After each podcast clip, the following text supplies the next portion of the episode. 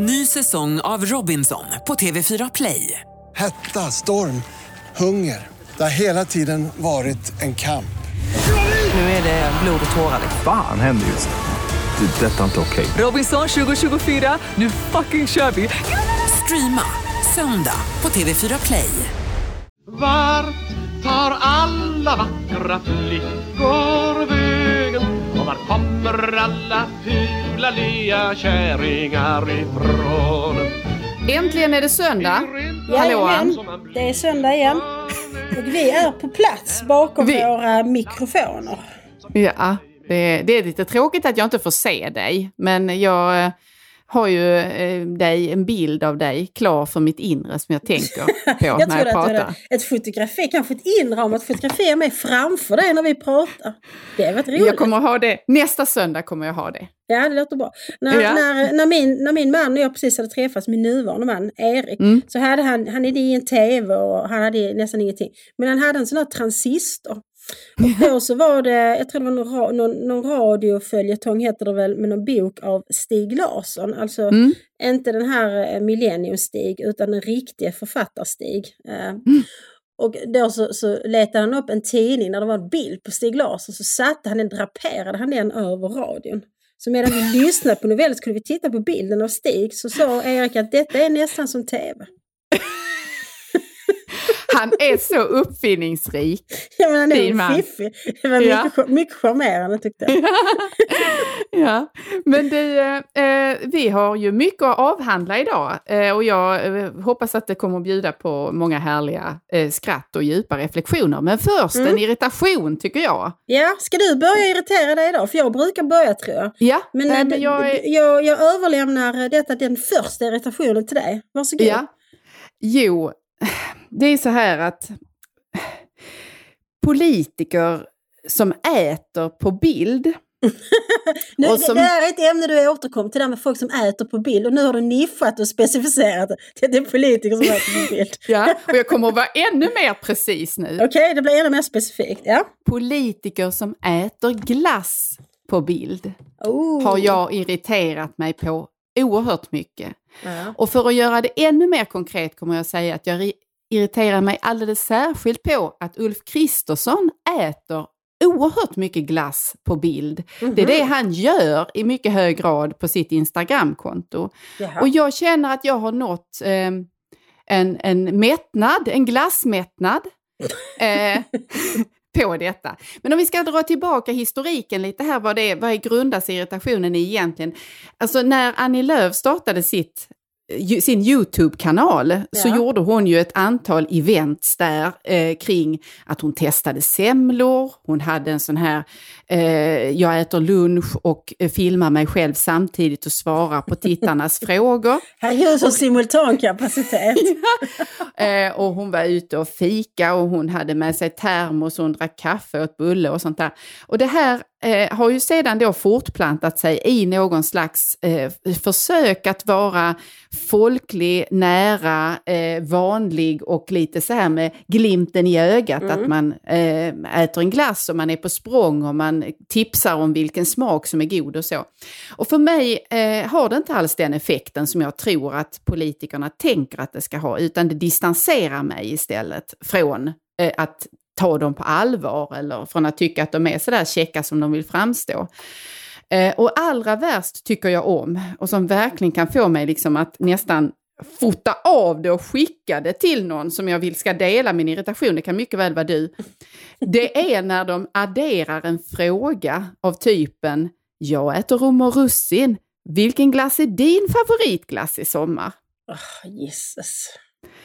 Det finns väldigt mycket att ta tag i i Sverige. Jag föreslår att man fokuserar på det och tar en glass emellan varven, men jag vill inte veta när den glassen intas.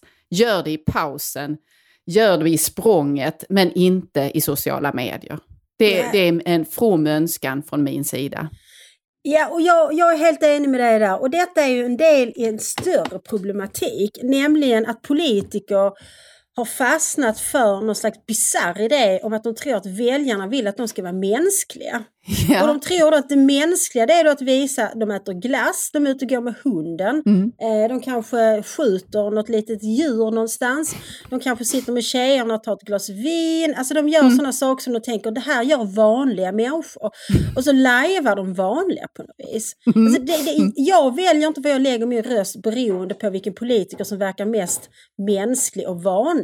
Och jag tycker också att det här är ett fejkt och fult sätt att undvika det som de faktiskt borde göra. Ja. Det vill säga att diskutera allvarliga problem och komma med förslag på lösningar. Istället Mm. jönsar de runt med, att äta glass. Och detta är intressant för att du och jag, vi kollar ju aldrig av vår irritation med varandra. Så det är alltid Nej. överraskande. Men min irritation är ganska snarlik Ja.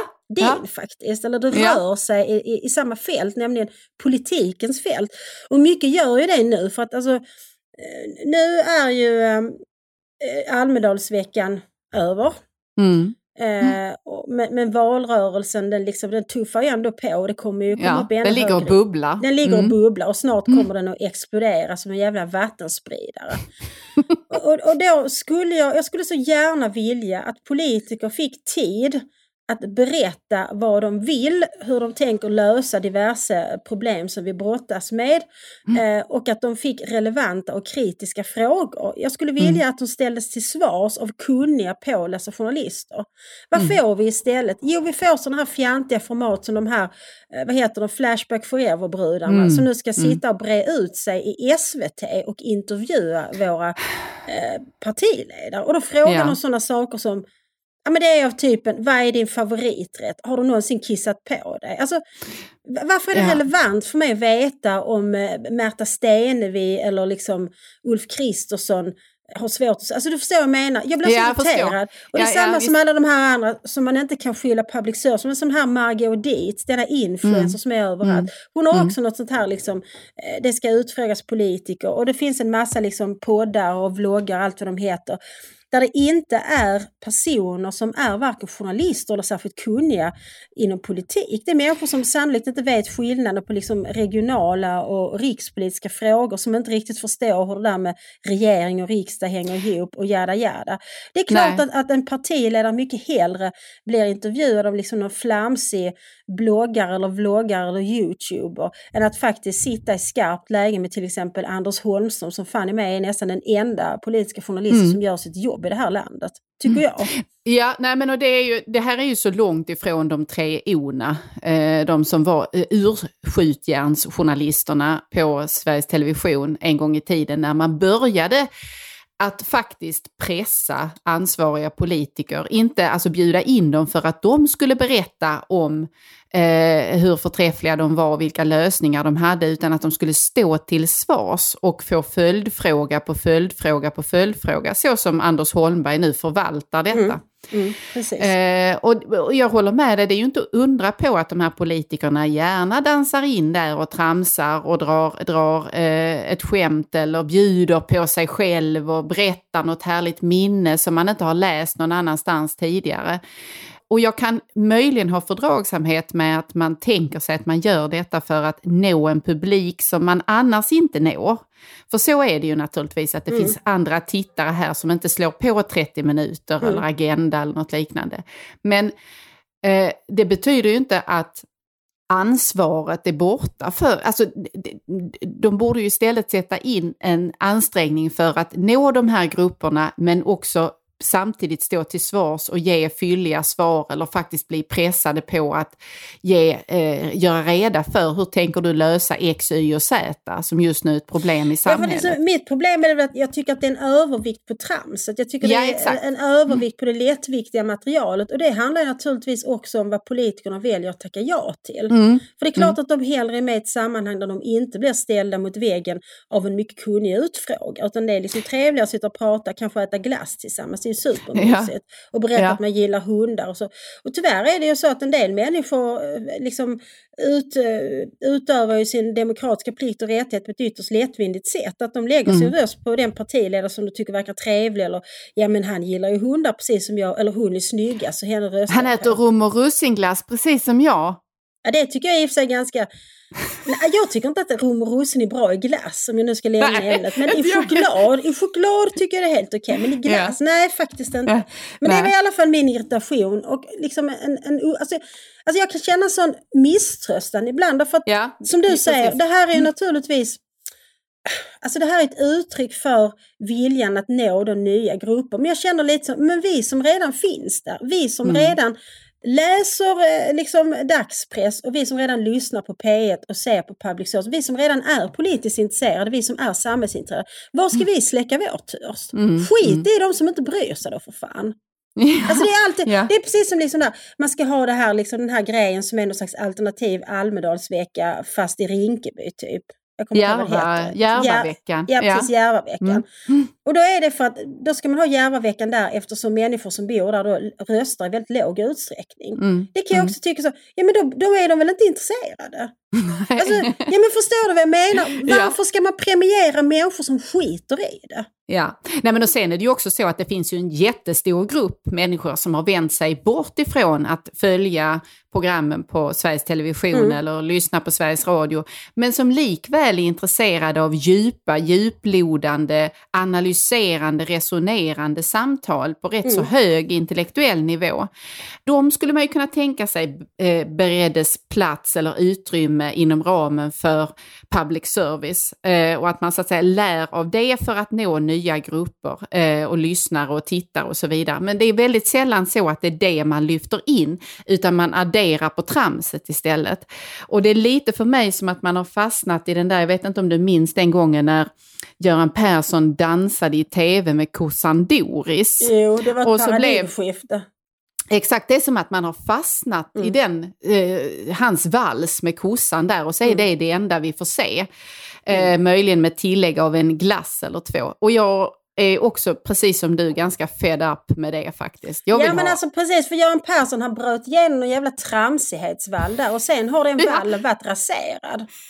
Eh, Ja. Och, och det, det gjorde mycket stor skada. Annars måste jag säga att jag var rätt förtjust i Göran Persson. Men, men just den där grejen, det gillar jag inte. Därför att det jag verkligen skulle vilja veta, Mm. det är hur det kommer sig att i princip alla riksdagspartier har liksom vänt tvärt när det gäller vissa rätt fundamentala frågor. Jag lyssnade på, jag lyssnade på Almedalstalen, det, det är ju ett tag sedan nu men ni kanske minns ändå. Det Mm. som är rätt intressant var att i princip alla partiledare, jag skulle säga att Magdalena Andersson var mest flagrant, talade mycket om sin fosterlandskärlek. Ja, Och jag precis. kommer ihåg när Ebba Busch gjorde det 2018, alltså förra valrörelsen, eller Almedalsveckan i förra valrörelsen. Så mycket skit hon fick för det för att hon pratade om Sverige och svenska värderingar. Då var det väldigt viktigt för väldigt många att påstå att det inte fanns några svenska värderingar. Ja, Och att det ja. antagligen var, det- var ett fiska i grumligt vatten att tycka att Sverige var bra. Idag, så, i, i gångna eh, Almedalsveckan så står samtliga partiledare i princip eh, och lyfter Sverige då och hur mycket de älskar Sverige och svensk natur och bla bla Ja. bla. Ja. Och jag tycker, ja, det finemang för mig liksom att ni har ändrat uppfattning i en lång rad frågor. Jag menar NATO är ett exempel där det har varit en kovändning. Eh, hur vi ser på hedersvåld är ett annat exempel. Hur vi ser på relationen mellan migration och eh, kriminalitet. Där har vi ett tredje exempel. Hur vi ser på kärnkraften. Där har flera partier plötsligt också ändrat upp och så vidare. Så det finns en Ja. lång rad sådana här frågor. Och det är fint tycker jag att man byter uppfattning. Det tycker jag är ett tecken på intellektuell hederlighet. Om man får bättre argument än sina egna eller om omvärlden ändras eller om man får ny information, ny fakta, ja då, då bör Mm. man ändra uppfattning.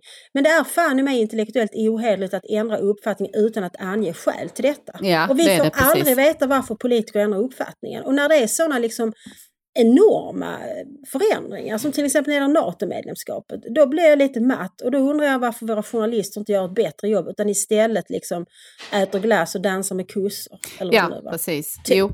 Ja, det, var, Ja. det var en lång och eh, kraftfull irritation här. Mycket bra att vi hade liknande irritationer. Ja, det gav det- extra det- impact tycker jag. Sluta Ja, ät det glass för fan. Var inte tramsiga. Och Dansa inte med kossor. Nej, gör inte det. Men eh, vi hoppas att alla skriver upp de här råden och att vi nu ser omedelbar effekt i den kommande valrörelsen. Ja, för alla partiledare sitter bänkade och lyssnar. Ja, det, det är i alla fall alla partisekreterare och det är ju de som styr Ja, det mesta. Det är ju ja. de politiska sekreterarna som skriver. Det är pressisarna som skriver sånt här fjant. Idag äter Ja. jag rum russinglass. Vilken är din favorit? Därför de har lärt sig på sån här kurs i hur det blir framgångsrikt på sociala medier. Ja. Att man måste interagera.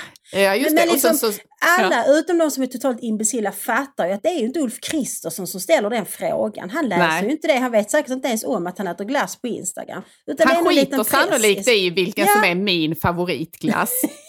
Tror Tyvärr, det? Nej, alltså. jag, jag, jag tycker vi efter det här programmet så tycker du ska skicka ett mail direkt till Ulf Kristersson. Så att, ja, eftersom du undrar Ulf, jag är lite tveksam till rumrussin. Men choklad, det går alltid bra. Pekanet? Ja, Ja, det tack är säger jag. gott. Ja. Eller så, som min mamma säger, min mamma säger pekanöt, visst är det roligt? Ja, men det får mammor lov att göra. tycker jag. Har blivit en madam med skunk bak och fram Vi ska rusa in i, ett, eh, eh, i nästa ämne som är eh, humor, tänker vi. Lustigkurren ska vi prata om idag. Jajamän. Ja. Är du en lustigkurre? Ja, det tycker jag att du är, Ann. Ja men det, jag, alltså jag, jag ser mig själv som en lustigkurre. Jag ser mig Ja. själv som en, det låter ju väldigt självgott när man säger men jag tycker att jag är rätt så rolig. Och det är lite Ja. intressant för människor som inte känner mig tror inte att jag är rolig. Ja, du är mycket rolig. Men alltså det är, jag, jag skulle säga så jag tycker väldigt mycket om eh, jag tycker om att skoja. Jag tycker Mm. om att dra skämt. Det tror jag Mm. du också gör. Ja. Jag tycker om att eh, få till någonting som är lite eh, så chockar. Eller som, jag, jag älskar om jag får in ett skämt där jag kan dra på det lite. Så att den jag skojar med först inte förstår riktigt. Och Mm. sen så tre, fyra sekunder så, så går poletten ner och så får man ett härligt skratt. Då blir Mm. jag glad. Mm. Eh, eh, så jag, jag tänker inte på mig själv kanske som en lustigkurre, men som att jag i alla fall har någon slags potential till humor. Jag tyckte på den, jag tyckte att det var en lustig kurre. Nej, men jag, är nog, för att jag kan också ha en lite enklare humor, men jag tycker det är roligt att förvränga rösten och gå lustigt. Ja. Så. Jag var faktiskt jag, jag, var, jag var sur på min man häromkvällen, det var något hormonellt antagligen. Därför att jag tyckte han, han skämtade om något som jag inte tyckte var roligt. Jo, så här var det. Vi skulle köra till Simrishamn för, för, eh, och så, så, när vi, så skulle vi vara borta ett par timmar. Och när vi hade kört ungefär en kilometer så, så fick jag någon slags ångest och tänkte herregud, drog jag ut kontakten ur locktången eller inte? Ja, Och så hade jag lagt locktången då på en säng så jag tänkte detta kan bli katastrof och hunden brinner inne och så vidare. ja, Så därför var ja. jag tvungen att, att vända tillbaka. Så fick jag köra ner på någon pytteliten eh, väg ut någon äng där. Och så var det rätt så brant backe för att komma upp. Och Erik, som då inte har körkort, då sitter han så. Ja, lägg in ettan. Upp i dragläge. Gasa. Och jag blev så jävla förbannad. Men vad fan, du har ju inte ens körkort. Nej. Vad fan ska du sitta och ge mig order?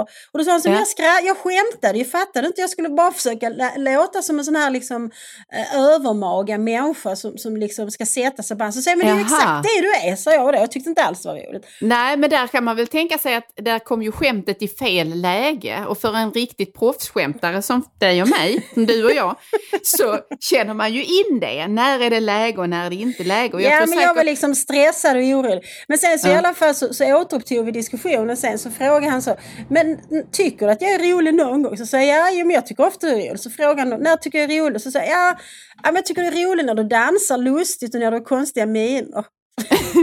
och då blev han lite besviken. För det var liksom inte den, den intellektuella humor precis. Men han är Nej, rolig nej. när han dansar. Ja, jo det ska man inte underskatta, Nej. sådana skämt. Nej, de kroppsliga. För att, Ja. alltså, och där har vi ju menar, det- en av de allra mest klassiska sketcherna väl som finns eh, i eh, filmrutor är ju Monty Pythons Silly Walks. Just det, just det. Ja, som ju, alltså, som en kombination av rätt intellektuell humor med väldigt kroppslig och tramsig trillahumor eller ko- Ja, konstig mycket gång. liksom slapsticks. Ja, Nästan precis. på gränsen till buskis kan man säga. Ja, ja. Men eh, om man ska försöka dra någon tråd här så detta med att vara en, en gycklare eller en skämtare, en narr, eh, eh, en en lustigkurre. Det ligger ju någonting i detta som är kittlande kopplat till att man skämtar med att man skämtar med makten Mm. också. Och där tänker jag på ursprunget i att man har, höll en narr vid hovet eller vid olika prominenta sammanhang Mm. där, man, där det just var då gycklaren som fick lov att, alltså som hade till syfte att se till att hålla folk på gott humör och underhålla med sång, ord och eh, sin luta, eller vad man nu hade. Eh, men att man också hade ett visst svängutrymme i att man faktiskt fick lov att säga eh, så här, lite vassa sanningar till Mm. den som var ens husbonde eller ens herre. Och just den delen, detta att det ska vara lite vast, Eh, är ju en del i humorn, som, eller i lustigkurrens värv skulle jag säga, som är den, det kanske allra viktigaste. Alltså den ska på något sätt gyckla, eh, gyckla samtiden eller gyckla makten eller gyckla folket. Mm. Frågan är liksom hur, hur den, för att jag tänker liksom man kan, man kan systematisera humor också. Alltså det finns Ja. ja. här väldigt enkla sorter som är liksom slapstick och buskis. Och sen finns det, ju, finns det ju satir som är ju liksom mer åt det hållet som du talar om. Som ju satir, ironi och så vidare. Som, som, där, där den här potentialen att gyckla makten finns. Och där det också finns någon slags nästan överlevnadspotential. För jag tänker liksom att, att humorn har också ofta frodats i situationer av förtryck faktiskt. Ja, Alltså humorn i de kommunistiska diktaturerna till exempel. Mm. Den, den var ju av en speciell art så att säga. För det blev Mm. ju en, det blev en, en ventil kan man väl säga. Mm. Eh, och det var väl humor som, som inte öppet eh, visades för makten så att säga. Så där finns ju en skilja såklart mot, mot hovnären och gycklaren och så. För att som du Mm. sa precis så så, tillerkändes ju narren eh, och gycklaren ett visst utrymme. Mm. Att faktiskt säga eh, saker som andra inte skulle kunna säga.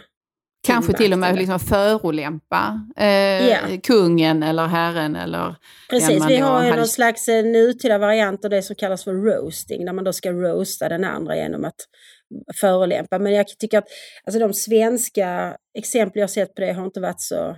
De är inte direkt lustiga, då kan man hålla sig Nej, för skratt. Nej, det har inte varit så mycket finess med det. Tycker Nej, nej. Faktiskt. nej, men jag håller med dig där om att det är en viktig distinktion eh, att, att göra kopplat med, mellan eh, lustifikationer, kanske ordvitseri eller pajaskonster och satiren som ju eh, alltid ska ha eh, en skärpa och där det ska vara lite granna farligt också. Alltså man sätter någonting på spel i satiren. Mm. Och den ska inte liksom kamma eller stryka med hårs på det sätt som eh, eh, ja, kroppslig humor eller sånt som bara är roligt i, i ögonblicket. Det är roligt för att det är roligt, men man kanske inte så här får någon, någon, det skänker inte till eftertanke på det sättet. Men i detta ligger ju också att, du sa det där med att eh, humorn kan ha en Eh, alltså i, i diktaturer har Mm. den typen av satir, som ju är förbjuden, då varit väldigt viktig. Men det lär ju också vara så att eh, skämtande eller humor och eh, underhållning överhuvudtaget var ett sätt att överleva också i oerhört prövade situationer såsom exempelvis koncentrationslägren under andra världskriget och så vidare. Att där de som överlevde har berättat att man, att man använde humorn för att orka, för att härda ut och för att skrattet gjorde, det hade liksom någon slags förlösande effekt för en, trots allt elände som omgav en. Jo men det tror jag och det kan man väl känna igen i, i sitt eget liv också i situationer som har varit väldigt svåra. Att, att, Ja. eh, om man, förmår man att skratta åt eländet eh, i någon mån så, så lättar det upp faktiskt. Ja, precis. Sen finns det ju såna här, alltså detta är ju verkligen ett sidospår, men jag tror du liksom jag har sett såna här förfärliga bilder från skrattkurser. Alltså där det inte skämtet, in, skämtet uteblir och så förväntas man bara skratta för att uppnå den effekt som skrattet, den här förlösande effekten.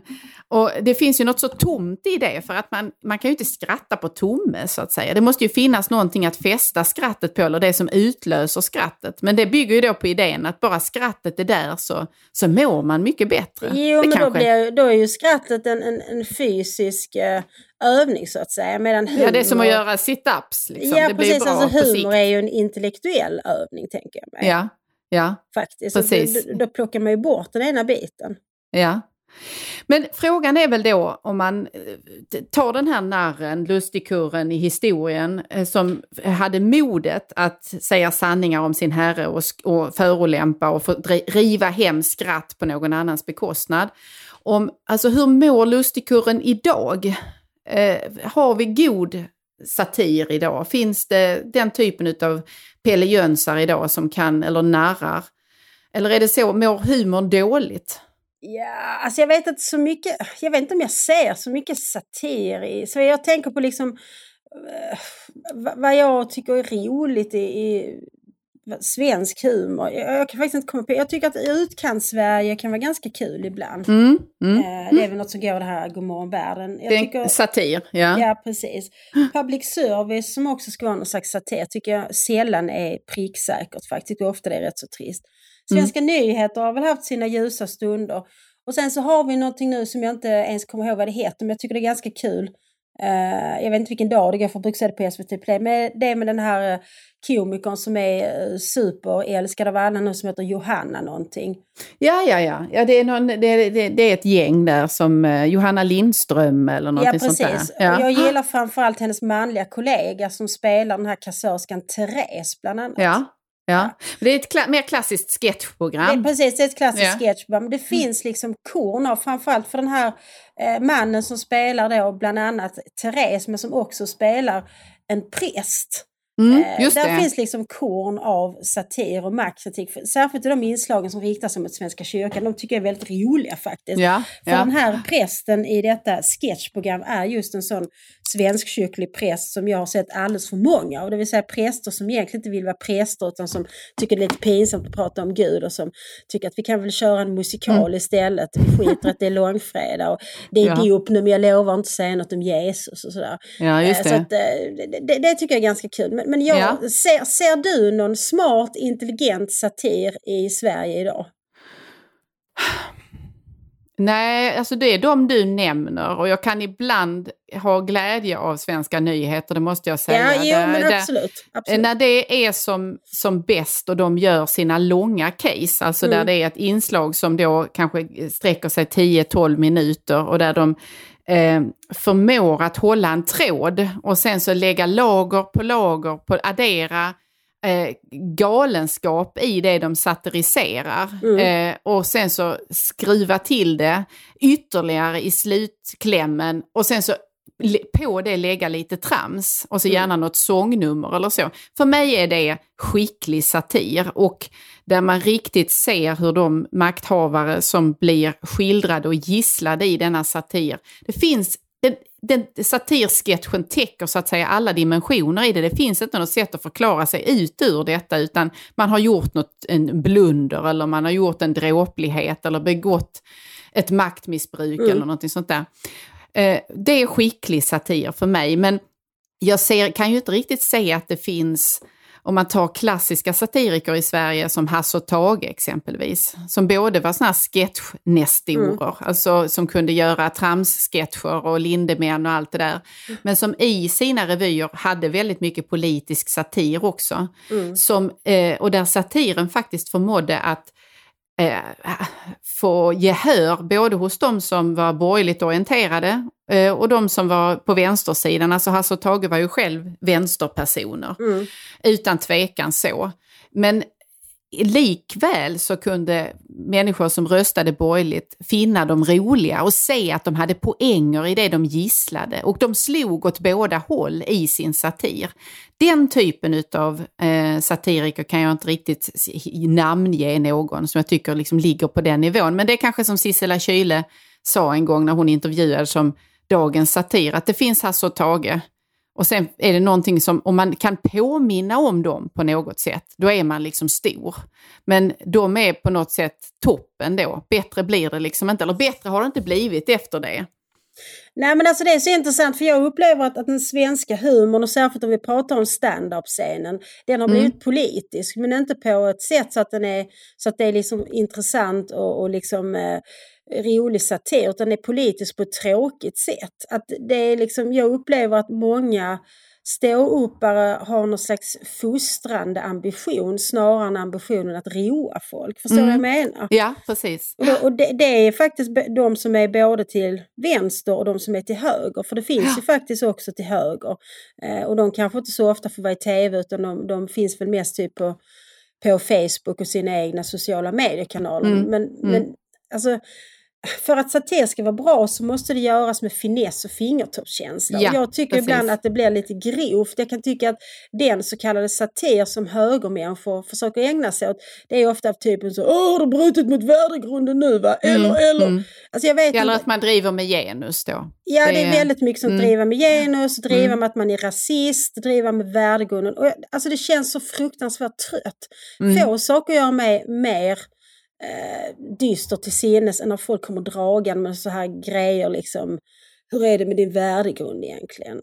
Ja, alltså jag vet men det inte, jag orkar men det inte med det bara. Det, det du illustrerar där är ju den förutsägbara satiren eller förutsägbara eh, lustifikationen. Som inte alls ger den effekten som du Nej. beskriver att de, de lyckade inslagen i Svenska nyheter ger. Nej, alltså det precis. finns inte de här dimensionerna, de här olika lagerna.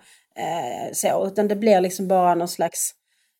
Ja, och där man, där man någonstans som tittare så vet du inte vart det här ska ta vägen. Alltså du, du kan inte förutsäga nästa slag eller nästa punchline. Eh, och det, det är skicklig satir och det är inte någonting du snyter ut ur näsan utan den kräver sin research, den kräver sitt språkliga arbete.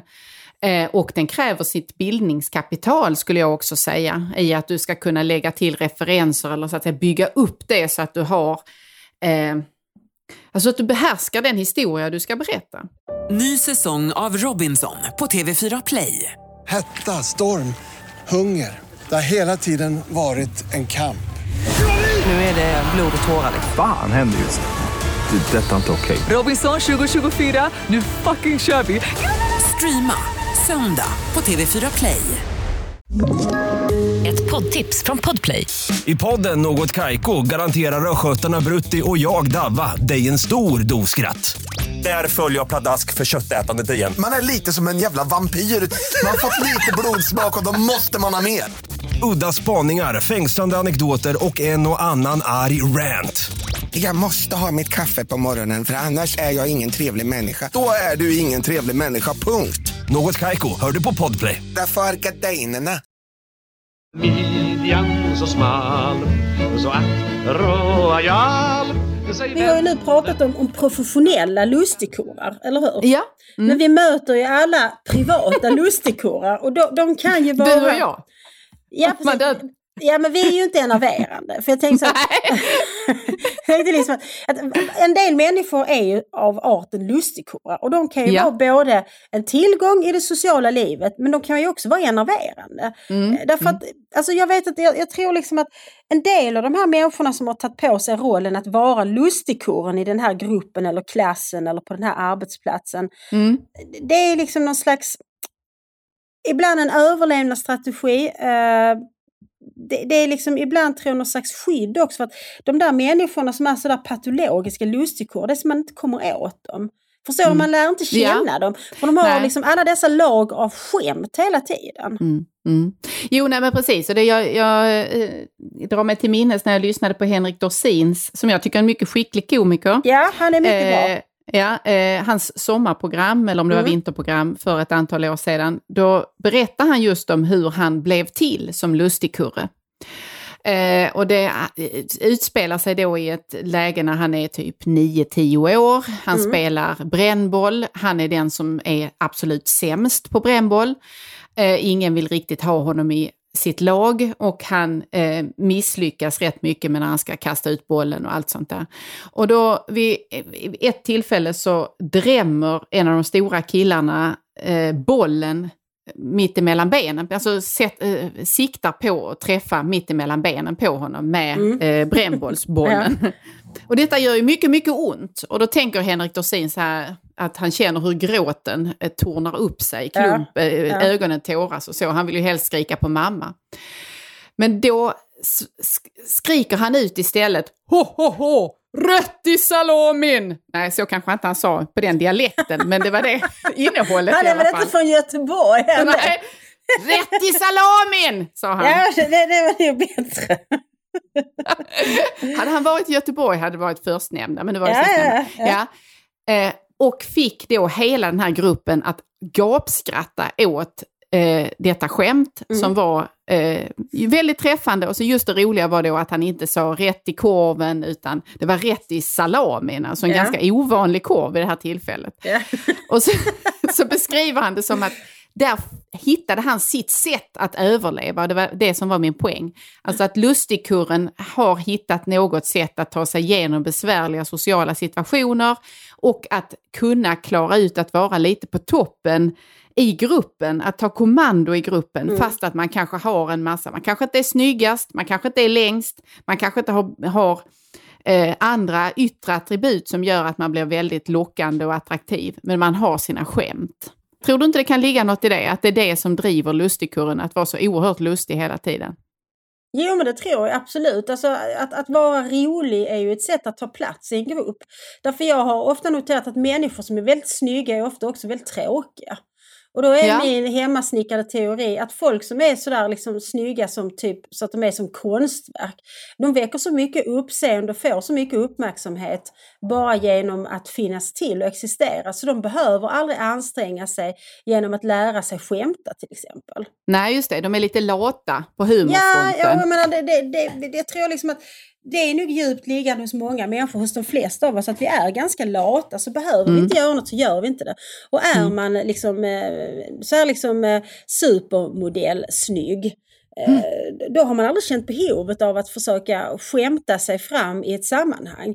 För, för skämtandet är ju naturligtvis, precis som du beskriver Henrik Dorsin, det är ju ett sätt att ta plats, ett sätt att, att få en roll i gruppen. Liksom. Ja, Och det är också precis. ett sätt att alltså, Skydda skämt- sig kanske Ja, det är ett till och sätt med. Mm. att skydda sig. Men jag tänker liksom att skämtandet, både som vi beskrev innan, ett sätt att kritisera makten men också att överleva i en diktatur eller överleva under fruktansvärda omständigheter. Om man i alla fall kan skämta om det så går det lite lättare. Mm. Men skämtet är ju också någonting som är väldigt gångbart i sociala sammanhang som gör att man Mm. blir, blir omtyckt och, och så vidare. Så, så Mm. att, eh, skämtandet fyller ju många funktioner. Ja, precis. Samtidigt så tänker jag så här att i eh, den tiden vi lever, som ju är väldigt nervös på många olika sätt i fråga Mm. om att man inte får säga fel ord och man vill inte trampa någon på tårna, man, vill, tårna, man ska inte heller ta för givet att någon lever på ett sätt som liknar hur jag lever och sådär. Eh, hänsynstagandet har nästan nått eh, nivåer som gör att vanligt socialt så här eh, småprat blir svårt. Mm. Och ännu svårare blir det ju då att, att vara lustig och dra ett skämt. Och jag tror att det där som vi såg nu här i början av sommaren när jag läste till exempel en artikel, jag tror du läste den också, där det visar sig att ett av fackförbunden har gått ut och eh, råder sina medlemmar att vara oerhört försiktiga med att skämta på jobbet. Eh, och om man avser att dra ett skämt så ska man så att säga kvalitetssäkra det eh, så att det inte kan kränka någon och så. Det fanns då någon konsult man kunde hyra in. Jag undrar om det var Unionen som hade gjort detta, var det så? Ehm, Eh, Jag kan inte svära på det men det var ett av de större fackförbunden och det var inte Ja. LO. Nej, Den här gången var de Eh, oskyldiga. Ja, precis. Men då kunde man hyra in någon sån här eh, skämtmoderator som skulle, eller mood-moderator kanske det var, som skulle Ja. se till att humöret var på topp utan kränkande skämt. Och det där är jag ganska kritisk till, inte ganska utan jag är riktigt kritisk till det, därför att eh, vi måste ju kunna prata med varandra och man måste också ibland kunna få lov att säga fel. Mm. Och eh, man lär sig genom att dra ett dåligt skämt. Jag har då sannoliken ibland misslyckats med mina skämt. det, jag vet att alla nu tänker det är inte, det är inte troligt, det, det har inte hänt Anna-Karin. du, är så, du är så ödmjuk Anna-Karin som nu vill sälla dig till oss andra säga att jag, jag har också misslyckats någon gång. Det har jag lärt mig mycket så nu misslyckas jag aldrig mer.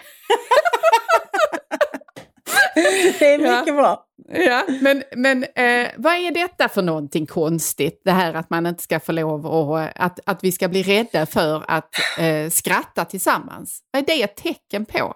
Ja, men det är ju ett tecken på någon slags allmän ängslighet. Det är så mycket sånt. Det, det liksom ligger faktiskt lite i linje med en sak som jag hade kunnat irritera mig över men inte gjorde. Eh, jag har irriterat mig på det privat. Men att eh, Musikförläggarnas förening kom här och sistes ut nu med nya riktlinjer. De ger ut något sånt som förläggarnas pris till, det är ju till eh, eh, musiker då. Och då är deras riktlinje att detta pris får inte eh, delas ut till någon som har begått ett brott eller misstänks för ett brott. Ja, just det. Mm, mm. Och då, liksom, ja, då skulle man väl kunna tycka så, oh, det var ju bra, men jag tycker faktiskt inte det är bra, jag tycker det är dåligt. Men Mm. det, det är liksom, alltså, vi lever liksom i någon slags kultur där man inte tilltror människor att ha något eget sunt förnuft. Mm. För det är väl liksom, det är väl klart om man är på, om, om man arbet, är på en arbetsplats där, där det finns kanske eh, Alltså, på en arbetsplats så skämtar man väl inte på, liksom, låt säga, ett sexistiskt eller rasistiskt sätt. Nej, Jag- jag är det vill inte det jag talar om Nej, heller. precis. Alltså, men, nej. men, men, och det förstår jag. Men, men Mm. liksom, jag bara menar liksom att om, man har väl ändå lite fingertoppskänsla ja. och lite liksom eh, sunt förnuft. Men, men Mm. de här konsulterna, och, de tilltror inte människor att ha någon form av, av egen förmåga att avgöra om det här skämtet är gångbart här eller inte. Nej, precis. Alltså, för det blir- kräver ju Det finns liksom kontextkunskap. ett, ett, ett omyndigförklarande av Ja. människor som är väldigt tydligt just nu tycker jag. Och det irriterar mig väldigt mycket för jag tror jag tror inte att, att människor generellt är så okänsliga för andra. För jag menar, det är klart det det handlar om. att, att jag menar, är jag på en arbetsplats med någon som har, har förlorat eh, en nära anhörig genom självmord till exempel, då, då Mm. kanske det är olämpligt att jag skämtar om självmord. Självklart. Jo, nej men och, och det, det, jag tror att det ligger någonting i detta också där man tänker sig att eh, om man bara får en policy, om vi bara får ett dokument som reglerar eh, vad man kan skämta Mm. om eller säga eller hur man uppför sig, som går in så mycket i detalj att ingen kan begå ett misstag och kränka någon eller göra någon illa till mod, så kommer lyckan att lägga sig över den här arbetsplatsen eller över den här eh, sammanhanget eller vad det nu är för någonting. Men det funkar ju inte på det sättet utan effekten det ger är att eh, folk blir nervösa och säger ingenting och vi lär inte riktigt känna varandra heller för den delen. Och jag tror också tyvärr att det gör att humorn dör därför att precis som du var inne på det där med att, att reglera eh, musikbranschens försök att reglera eller, eh, det de gjorde där med regelverket. Mm. Det är inte så länge sedan det kom en Code of Conduct för stå upp eh, artister. Eh, och där man också tänkte sig att om vi bara vi ska uppföra oss lite bättre och man skulle, stanna, man skulle inte dra, det var det, jag tyckte det var väldigt roligt i sig detta faktiskt och ett, ett bra exempel på att det fanns ett sinne för humor i den som skrev de här Code of Conduct. Att man skulle inte skämta om varandra, alltså om de andra skämtarna utanför scenen. Mhm. Jag tror inte heller att man skulle skämta från scenen eh, om de andra som stod i, så att säga, i eh, kulissen och väntade att få gå upp. Och, och det är ju någon slags motsats till roasten då, som där roasten går ut på att du faktiskt ska driva med dina kollegor. Och det är ju lite konstigt att tänka att det ska vara en madrasserad tillvaro just på en stå-upp-scen. Ja. Som ju, eh, det, där, där, du, där gränstänjandet och fräckheten och djärvheten måste vara det som, och spontaniteten för den delen, eh, är det som driver eh, stå-upparen. Ja men precis, jag, jag, jag har bara vaga minnen av hur den här Code of Conduct för de svenska komikerna ser ut. Men jag har för mig att, att en sån här regel var att man skulle, låt säga att man skulle vara på någon sån här kanske någon stand-up föreställning med eh, åtta olika komiker eller ståuppare. Då måste man hälsa på alla när man kommer var då ett råd. Och då tänker jag bara så, men liksom måste man reglera det? Gör inte människor det ändå? Det är liksom det, Ja, den det är hyfs infantiliseringen. Ja. Ja. Men sen finns ju en, en annan problematik med det. För att jag tror att den här svenska Code of Conduct den, den var väl inspirerad av att amerikanska komiker, eller om det var brittiska, hade kommit med någon Code of Conduct. Och då Mm. handlar det ju mycket om att inte skämta om typ marginaliserade grupper och sådana grejer. Mm, mm. Eh, och det kan jag inte svära på om det var inskrivet i den svenska eller inte. Jag tror inte riktigt det. Faktiskt. Nej, jag tror inte det nej. heller. Nej. För, för så, så var det ju där. Och då liksom, det är ju ändå en intressant fråga att fundera över. Kan man skämta om allt och får man skämta om allt? Och jag är Mm. nog benägen att säga att ja, man både kan och får skämta om allt, men det måste vara i rätt sammanhang. Mm, mm. Precis. Så det, är liksom, det är återigen den här fingertoppskänslan och det sunda förnuftet. Så det är klart att man kan skämta om allt. Ja. Men man behöver ju inte göra det. Nej, och jag tycker det är en intressant sak som du sa där apropå att den eh, an, amerikanska eller engelska Code of Conducten som tog upp att man inte skulle skämta med vissa grupper och så Mm. vidare. För då tangerar vi ju någonting annat som har eh, blivit ett något slags riktmärke eller förhållningsorder kring komiken och kring lustigkurrarna, nämligen att man tänker sig att man alltid måste sparka uppåt, men man Ja. får aldrig sparka neråt. Och jag tycker det där är Eh, det finns någonting märkligt och konstigt. Det, det låter rätt. Det låter rätt att säga att man alltid ska sparka uppåt men inte neråt. Men om man tänker på det lite grann så tycker jag att Rowan Atkinson till exempel som eh, har gett sig in i den här debatten och som är väldigt irriterad på Mm. wokeism och, och eh, politisk korrekthet och så, att han sa, så sa han så här apropå det att det, det bygger ju på hypotesen att det bara finns idioter i de övre samhällsklasserna. Eller att idioterna bara finns på de höga positionerna. Det kan ju mycket väl vara så att det finns individer i de lägre samhällsklasserna som uppvisar svinaktigt beteende. Och i så fall måste man häckla det också. Ja, det är absolut. komikerns skyldighet att göra det. Och jag, jag, skulle, jag vill liksom krama om Rowan Atkinson och säga du har 100% rätt. För precis så tycker jag också. Det är ju beteenden i, i, i, det här handlar om som man gisslar eller maktmissbruk eller felaktigheter oberoende av var det yttrar sig. Om man skulle tänka att nej men det är bara de här kategorierna som jag får lov att driva med så är det, det är också död humor. Ja men fall. det är det för, då, då liksom för att alldeles i början av det här samtalet så pratade du om, och- om en sak som du tyckte var väsentlig i ett bra skämt eller god satir, nämligen oförutsägbarheten. Mm. Och om man håller sig till de här reglerna så blir ju, blir ju liksom, då blir det ju förutsägbart. För då vet man att det är alltid liksom, eh, låt säga vita medelålders cis-män som man ska skämta om. Ja. Mm. Om hur mycket kött de äter och hur mycket bil de kör och hur dumma de är och så vidare. Mm. Det, det finns liksom ingen, det finns ingen, ingen, inget moment av överraskning i det. och det Nej, är som, precis. eh, relaterat till den här debatten så har ju John Cleese också varit Mm. ute i den. Och han resonerar väl snarlikt som Ron Atkinson där kan man säga. Så liksom att vi, vi kan ju inte låta de som är känsligast få bestämma Nej. det är inte liksom de som, de kan ju inte utgöra eller sätta normen för vad som får sägas och vad vi får skoja om. Och där är ju naturligtvis en parallell till alla diskussioner som vi har om yttrandefrihet. Mm. Att, alltså, personligen tycker jag att det är jävligt idiotiskt och jag tycker det är otrevligt och oförskämt att bränna heliga böcker oavsett om det är koran eller biblar så tycker inte Mm. jag om det och jag har lite svårt att förstå varför man tvunget prompt måste göra det för jag ser det som en ren provokation. Men samtidigt så är det ju så att vi behöver inte låta de som blir allra mest störda av detta bestämma. Nej. Utan vi kanske istället kan lära de som är allra känsliga så att säga liksom, ja men titta åt ett annat håll eller lyssna inte på det här skämtet då. Nej, Eh, precis. Så kan man ju också tänka. Men, men vi lever ju liksom i en samtid där- det är de som skriker högst, och de som är mest störda av ett skämt eller vad det nu kan vara som får sätta agendan någonstans. Och det gör ju att vi, vi begränsar oss själva mer och mer.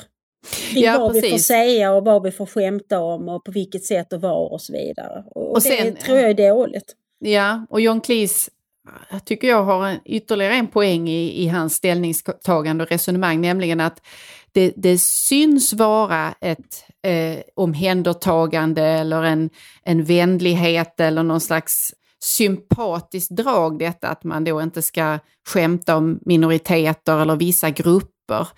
Eh, men vad det egentligen är, är att den här formen av överbeskyddande det signalerar ju att man tror mindre om de människorna. Man tror alltså Precis. inte att dessa människor har kapacitet att kunna förstå eller uppfatta ett skämt och kunna se skämtet för vad det är eh, och ha roligt åt det eller skratta åt samma sak som någon annan. Så det är ju en, ett särskiljande som är destruktivt och förminskande tycker jag. Absolut. Eh, men eh, och jag, jag, jag faktiskt imponerats av både Rowan Atkinson och John Cleese i de här diskussionerna därför att de har ju Visst har de fått mycket beröm och uppmärksamhet men det är ju inte liksom en lätt fight att ta eh, i ett, ett klimat, i synnerhet i det anglosaxiska, där, där den andra sidan så att säga har haft ett, eh, ett väldigt övertag skulle jag Mm. säga. Mm, och där cancelkultur och allt sånt där är en, ett, ett, ett faktum, verkligen. Har blivit en madam med skunk bak och fram. Du nämnde ju eh, Johanna Lindström till exempel. Om hon Ja. är, jag får- jag är lite osäker på efternamnet men jag tror att det Nej, Nordström heter hon kanske. Nordström, så är Ja. det ja. Hon är Ja. mycket rolig, henne gillar Ja, vi. Ja, precis. Men eh, frågan är väl här om vi ska våga oss på att prata lite genus. För vi har ju haft en väldig övervikt av män ibland de vi har nämnt. Ja, det, så- det, precis. Kan Ja. lustigkurren vara en kvinna? Ja. Ja, det, det, du och jag sitter ju här och är Det är ju levande bevis på Ja, detta. precis. Men det är faktiskt så att det är mycket svårare för kvinnor att få folk att skratta. Och det finns faktiskt en, en doktorsavhandling som eh, visar detta. Och det är, Mm. Det är en kvinna som heter Hanna Söderlund eh, Mm. som skrev en doktorsavhandling som kom 2010. Där hon hade analyserat eh, det här tv-programmet Parlamentet. Jag vet inte om det går Ah. längre. Men det Jo, gick det gör väldigt många år. Mm. Och det var ju Mm. både män och kvinnor. Där menar hon liksom att det skrattades mer och högre och intensivare åt männens skämt. Eh, Mm. Och sen så har hon då resonerat kring detta och hennes slutsats är då att, att både män och kvinnor skrattar mindre åt kvinnors skämt. Att kvinnor anses inte vara lika roliga. Eh, Jag skulle vilja utveckla hennes resonemang lite och säga att, att jag tror att det ligger någonting i det. Eh, Mm. Jag tror också, som kvinna måste jag säga att, att som kvinna så är man väldigt uppmärksam på vad män tycker om och vad män vill ha och vad män förväntar sig av en kvinna. Eh, och det sa jag mycket gnälligt till min man häromdagen när vi satt och åt frukost. Eh, att du kan aldrig förstå hur det är att vara kvinna. Därför att vara kvinna det är, som att vara, det, är, det är som att vara en hund eller en slav. Vi vet hela tiden att vi kan bli ihjälslagna. Ja. Och därför så måste vi blidka vår Herre. Och det var Mm. kanske drastiskt uttryckt, men, men liksom, det ligger ändå något i grunden i. Att, att kvinnor är väldigt upptagna av att göra männen glada. Och en sak som gör en man väldigt glad, det är om man skrattar åt hans skämt. Ja. Så som kvinna har man ju lärt sig att skratta åt männens skämt även när de är dåliga. ja, För just det är det. de faktiskt ibland. Men man Ja. skrattar ändå för att man är vänlig och man är artig och man vill bli omtyckt av den här mannen. Liksom. Mm. Medan män har ju inte brytt sig om att, blidka kvinnor på det sättet. Jag, jag tänker ofta så här liksom att män försöker inte ens förstå kvinnor. Och nu låter det som det här liksom män från Mars och kvinnor från Venus. Men vi är olika på en del sätt. Och vi som kvinnor försöker då tolka männen och är ganska bra på det måste jag säga. Medan män är usla på att förstå kvinnor. Eh, Och bryr sig inte om att försöka ens. Därför jag vägrar acceptera att kvinnor skulle vara mindre roliga. Jag tror snarare det är så att, att vi är socialiserade till att skratta åt männens skämt också när de inte förtjänar det. Det var Ja, min, kan- eh, det- det min kan man- man- utläggning av detta. Man skulle kunna tänka sig att kvinnor eh, på gruppnivå har en, gener en generellt högre grad av hövlighet. För i hövligheten ingår ju då Ja. att, att fnissa lite lätt eller skratta Precis, även om man precis. inte inom sig tycker att det här var det roligaste jag har hört den här dagen. Eh, jag, jag ska eh, eh, spela in en sak där till ditt resonemang och det är att min erfarenhet, högst personliga då, är att jag, när, i mitt arbete har jag nog uppfattat att jag har haft lättare att få manliga kollegor att skratta med, eller åt för den Mm. delen, mig, om jag har dragit ett skämt. Medan om jag har huvudsakligen kvinnlig publik när jag gör en föredragning eller någonting sånt där, så har jag lärt mig eh, genom bitter erfarenhet av uteblivna skratt att man måste vara lite mer så här, man måste pul pulsa in, alltså vara lite, man får vänta med de första skämten lite längre. Man måste vinna ett förtroende först. Mm. Man måste visa att man är seriös, att man kan, att man behärskar det man ska tala om. Eh, man är ingen eh, eh, flamsig typ, eh, flamsig brud som kommer in, utan man kan möjligen fram emot slutet, om det är en huvudsakligen kvinnlig publik, dra ett skämt eller två eller skoja lite om sig själv eller någonting. Eh, och det, det må ha att göra med att det akademiska fältet där de här dragningarna då huvudsakligen har utspelat sig är ett överdrivet seriöst sammanhang. Och man är Mm. inte så att säga beredd på att det ska komma ett skämt. Men likväl har jag, tycker jag, att mig har haft lättare när det har varit en manlig publik. Känner, kan du känna igen det eller är det helt fjärran från vad du har erfarit? Nej, jag känner igen det delvis kan jag säga. Men jag tror liksom att om man är i en enkönad publik eller med publik som består väldigt mycket av kvinnor eller till och med bara av kvinnor som det kan vara ibland när man är ute och föreläser på en Ja. gymnasieskola eller för en grupp vårdanställda så är det inte ovanligt att det är en förkrossande majoritet kvinnor. Att det, det liksom, då tror jag att det som går hem det är om man liksom, då ska man vara lite så tjejig, förstår? Att man ska skämta Ja. på ett sånt tjejigt sätt. Och jag, alltså jag, är inte så, jag skulle aldrig betala 500 kronor för att se den där Mia stå och prata om eh, hur dumma männen är. Alltså, jag, nej, nej, det är nej. inte min grej. Men jag tror det går hem hos många kvinnor. eh, Att Ja just det, för att då, att man man, liksom- då enas man mot ja, män men på något precis, sätt. för att man ska, Mm. Man ska förenas i någon slags tänkt systerskap där man då skämtar om männen eh, och så ska man hålla ihop. Och nu måste jag säga att jag tycker, jag kommer inte ihåg vad Mia heter i efternamn. Eh, Skäringer. Just det, Skäringer. Mm. Och jag tycker att Mia Skäringer var väldigt rolig tillsammans med Klara Zimmergren när de gjorde sina Mycket, grejer ja. i P3 var det väl och sen i SVT. Jag älskar den här Tabita och jag älskar Gulletussan och sådär. Mm. Men när hon kör de här långa grejerna på en scen själv som väldigt mycket handlar om tycker jag, eh, att det är synd om henne och att hon är missförstådd och att alla är dumma i huvudet. Liksom. Att det, det, det funkar inte för mig. Men, men Nej. jag tror att om man kan tala om en specifik kvinnlig humor så tror jag att vi är ganska nära där. Och Ja, den just det. kvinnliga humorn är inte för mig, så kan jag uttrycka det. Ja, nej, nej, men jag tror att eh, där är nog du och jag lika i att vi kanske ligger närmre i att ha, eh, tycka att eh, Patsy och Edina är Absolutely Fabulous De är roliga. älskar jag, fantastiskt. Ja, eller, eller att de här klassiska som Lucille Ball Ja, eh, och så vidare, att där, där finns en... Eh, alltså det, det är en- fräckhet som ligger på en helt annan nivå och en självdrift också, att man driver med sig själv Mm. eh, som jag tycker är eh, oerhört tilltalande och eh, absolut också attraktiv. Och det är det jag tycker att det, den typen av humor är attraktiv också. Ja, men det är gör roligt, men jag skämtaren tror liksom, attraktiv. det här liksom, som jag kallar för då, liksom någon slags mer skäringhuvud, det, det är ju ett, det är också ett, ett uttryck för, för just det här att den svenska humorscenen i ganska hög grad är politisk. Därför Ja. jag upplever att väldigt många kvinnliga komiker, jag vet inte om de känner som ett krav på sig själva att de måste vara feministiska hela tiden, men jag tycker det är jävligt tråkigt. Ja, jo, nej men det blir, då, är det, då är vi tillbaka i förutsägbarheten. Ja, och att det man vet vart man ska slå, ja precis, man vet var, eh, vem som kommer att bli, få på fingrarna här. Och man vet också ungefär hur slutklämmen kommer att se ut Mm. och så vidare. Och det, då, eh, då har man tappat mig. Eh, som, som, då, då sitter inte jag och frustar åt det. Nej, men jag kan också tycka liksom att sådana här rätt banala saker är roliga. För ett av de, mina favorit eh, humorprogram när det gäller svenska humorprogram det är Kvarteret Skatan. Ja, Nu så ser jag att nu har de kommit med här Kvarteret Skatan-jubileum och då var det ett kort klipp som flimrade, förbi som jag tittade på när, när det är Ulf som spelas av eh, eh, David David Batra. Batra. precis. Och sen så hans eh, stackars hårt prövade hustru som spelas av eh, Anna någonting. De sitter i köket och så reser sig Ulf då och så säger han så, ska jag skära en skiva till dig? Och så går han till, till eh, diskbänk så säger så, nej usch, usch, inte köttfärslimpa på morgonen. Så säger han, "Jo, det, det kan vara riktigt gott med lite flott på, säger han. det är ju oerhört banalt, det är liksom ett oerhört fjantigt skämt. Men jag skrattade mycket länge åt det. Jag tycker, Ja. för det jag gillar med Kvarteret Skatan det är att jag faktiskt tycker att de har det här att de slår åt alla håll.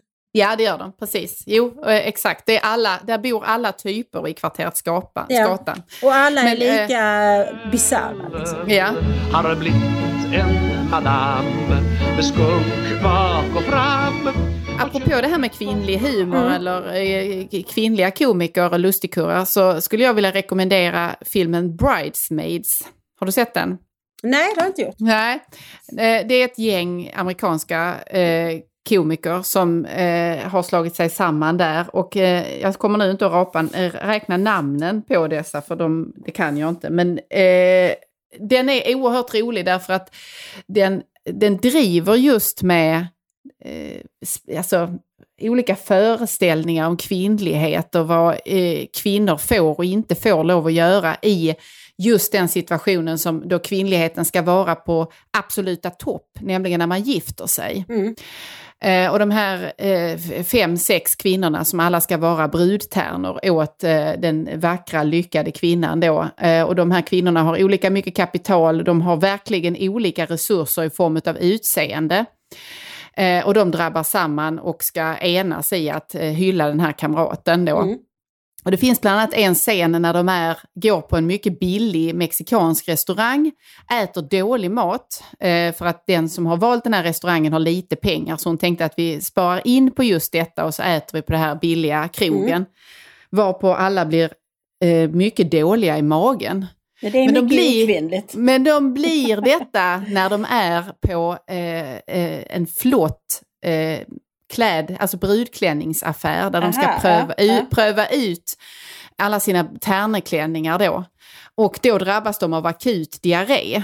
Herregud. Och i denna scenen så gör, sker allting som är absolut förbjudet för en kvinna i det ögonblicket, i den munderingen. Och det är roligt, just därför. Därför att man korsar en massa olika gränser av det där får man inte göra, det där får inte ske, det där är skämmigt. Och det är ju motsatsen till det du beskrev tidigare när förutsägbarheten är väldigt eh, hög och man så att säga också har, man följer ett manus i form av vem man ska vara arg på, vem man ska driva med och vem vi alla tillsammans känner exakt likadant om då.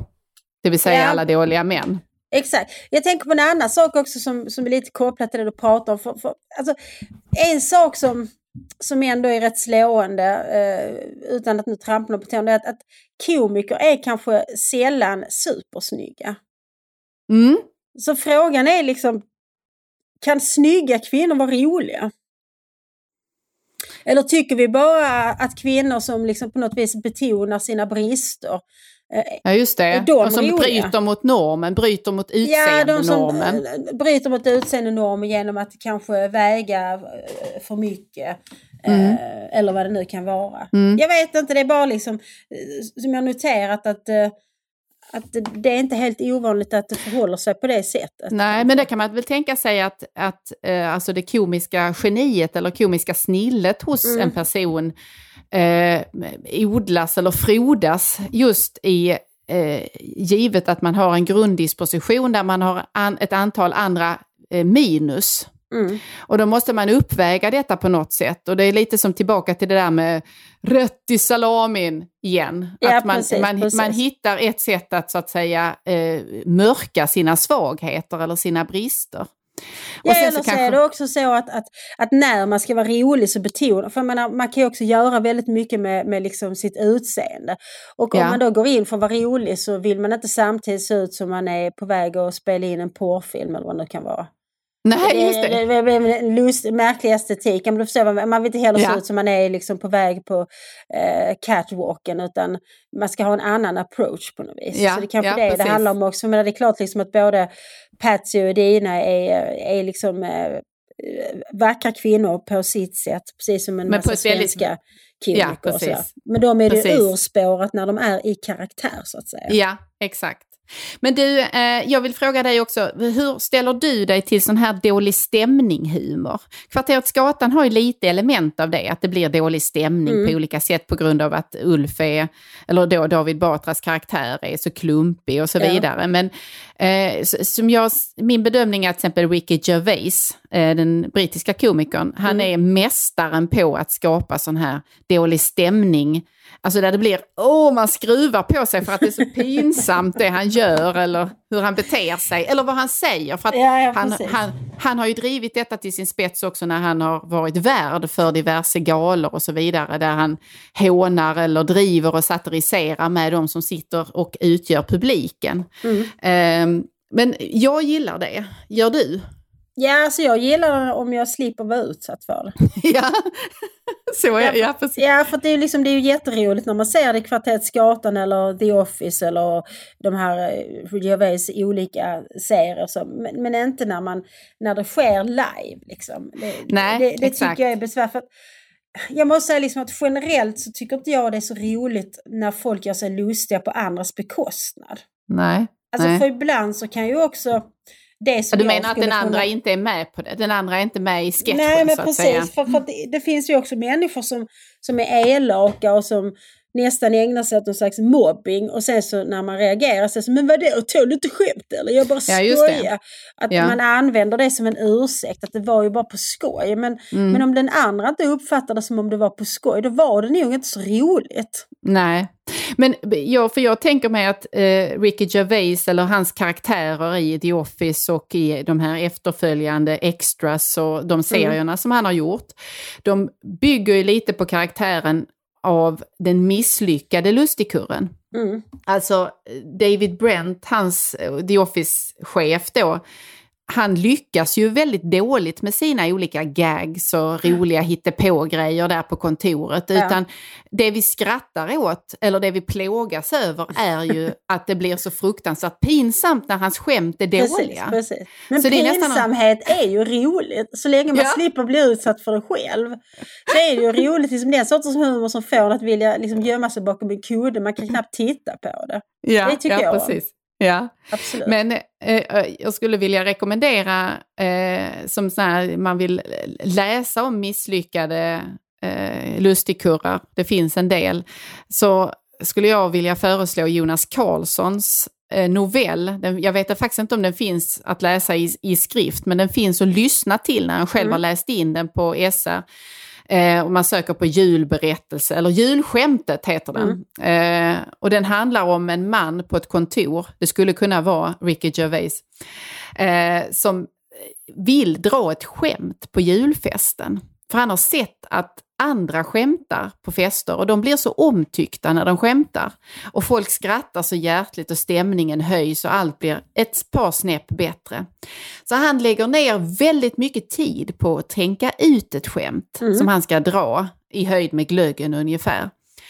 Eh, och han planerar och han ändrar kommatecken och så får man då höra hur det här skämtet eh, går eller inte går. Och det, det, jag tror vi kan alla känna igen oss i att vara den där misslyckade lustigkurren. Men den är väldigt, det är en väldigt fin skildring av och underhållande i sin brist på humor just. Mm. Ja, det, det, låter, det låter förfärligt, alltså det låter som en tragedi faktiskt. För det, där, det där har ju man varit med om, både själv men kanske framförallt när andra har på ett liksom väldigt misslyckat sätt försökt skämta. Men då Ja. brukar jag ändå av artighet skratta. Därför Ja, just det. det. Det är så Det är klart. sorgligt med den, Ja. den sortens klumpighet. Och samtidigt så blir det också någonstans väldigt roligt faktiskt. Ja, ja precis. Vad ska vi, eh, ska vi avrunda med några favorit... eh, Vi har ju sagt många olika favoritlustigkurrar. Har du någon mer på, eh, på lut som du vill dra fram ur skämthatten? Det kan jag inte säga att jag har någon. Jag, jag, jag kan bara rekommendera alla att eh, titta på Patsy Udina. Men jag, tycker, jag är Ja. också väldigt förtjust i Seinfeld som jag faktiskt tycker är väldigt rolig. Ja, Eh, och jag tycker att eh, de håller fortfarande. De ja det gör några, de faktiskt. några år på nacken. Men, men Seinfeld är väldigt kul. Så Mm. det, det vill jag också rekommendera. Och Nej, sen men kan säkert- rekommendera alla att, att, att, att skämta. Gör så. Lägg Precis vad jag tänkte säga på någon också. stol. Det är kul i all sin enkelhet. Göm dig någonstans och hoppa fram och skräm folk. Det, också, det tycker jag är jätteroligt att göra. Att jag så. En av de roligaste saker som, som jag varit med om i mitt liv det var när vi hade kvar vårt hus. Eh, vi, vi hade ett annat hus på Österlen innan. Eh, där Fanny hade sitt rum på andra våningen och hon var ganska mörkrädd då. Hon var väl typ Mm. 11 år kanske. Och så, så vid ett tillfälle så konkade Erik dit en jättelång stege. Och så klättrade han Mm. upp för stegen och precis som de gått och lagt sig så stack han upp huvudet och så sa han godnatt. Och jävlar vad rädd hon blev. Alltså jag skrattade i timtal. Och det säger något åt mig att jag tyckte det var så roligt att min stackars 11-åriga dotter blev så rädd. Men det, var, det var väldigt roligt, så man ibland liksom förbereder sig lite med lite olika props och, och grejer. Ja. Så, så kan det bli mycket lyckat. Ja, precis. Nej, men det, Mm. det, och, eh, våga skämta och våga vara, eh, ta, ta lite risker i ert skämtande också. Jag brukar säga så här till mina barn, vilken tur ni har som har en så rolig mamma. Det måste vara underbart. Ja, men våga riskera er själv också lite när ni skämtar. För, för väldigt aptitliga skämt är ju faktiskt sådana skämt där skämtaren skämtar med sig själv. Och Ja, sina exakt. egna brister. Det är nästan Ja. det bästa tycker jag. Ja, ja, Ja. exakt. Slå inte varken uppåt eller neråt, slå på dig själv. Ja, Exakt. Men ska vi ta och stänga den här skämtbutiken för idag? Ja, det tycker jag. Det börjar bli dags nu. Men som sagt, leta fram en pruttkudde någonstans och lek på någon stol. Det kan bli kul. Ja. Det är mycket bättre än en riktig fis faktiskt. Ja, den den kan, det, det, det är bra. Vi säger så. Håll stilen. Hej, Ja, hej. då. hej. Vart tar alla vackra former vägen? Var kommer alla hakorna på makorna ifrån? Ny säsong av Robinson på TV4 Play. Hetta, storm, hunger. Det har hela tiden varit en kamp. Nu är det blod och tårar. Fan händer just nu. Det. är Detta är inte okej. Robinson 2024, nu fucking kör vi! Streama söndag på TV4 Play.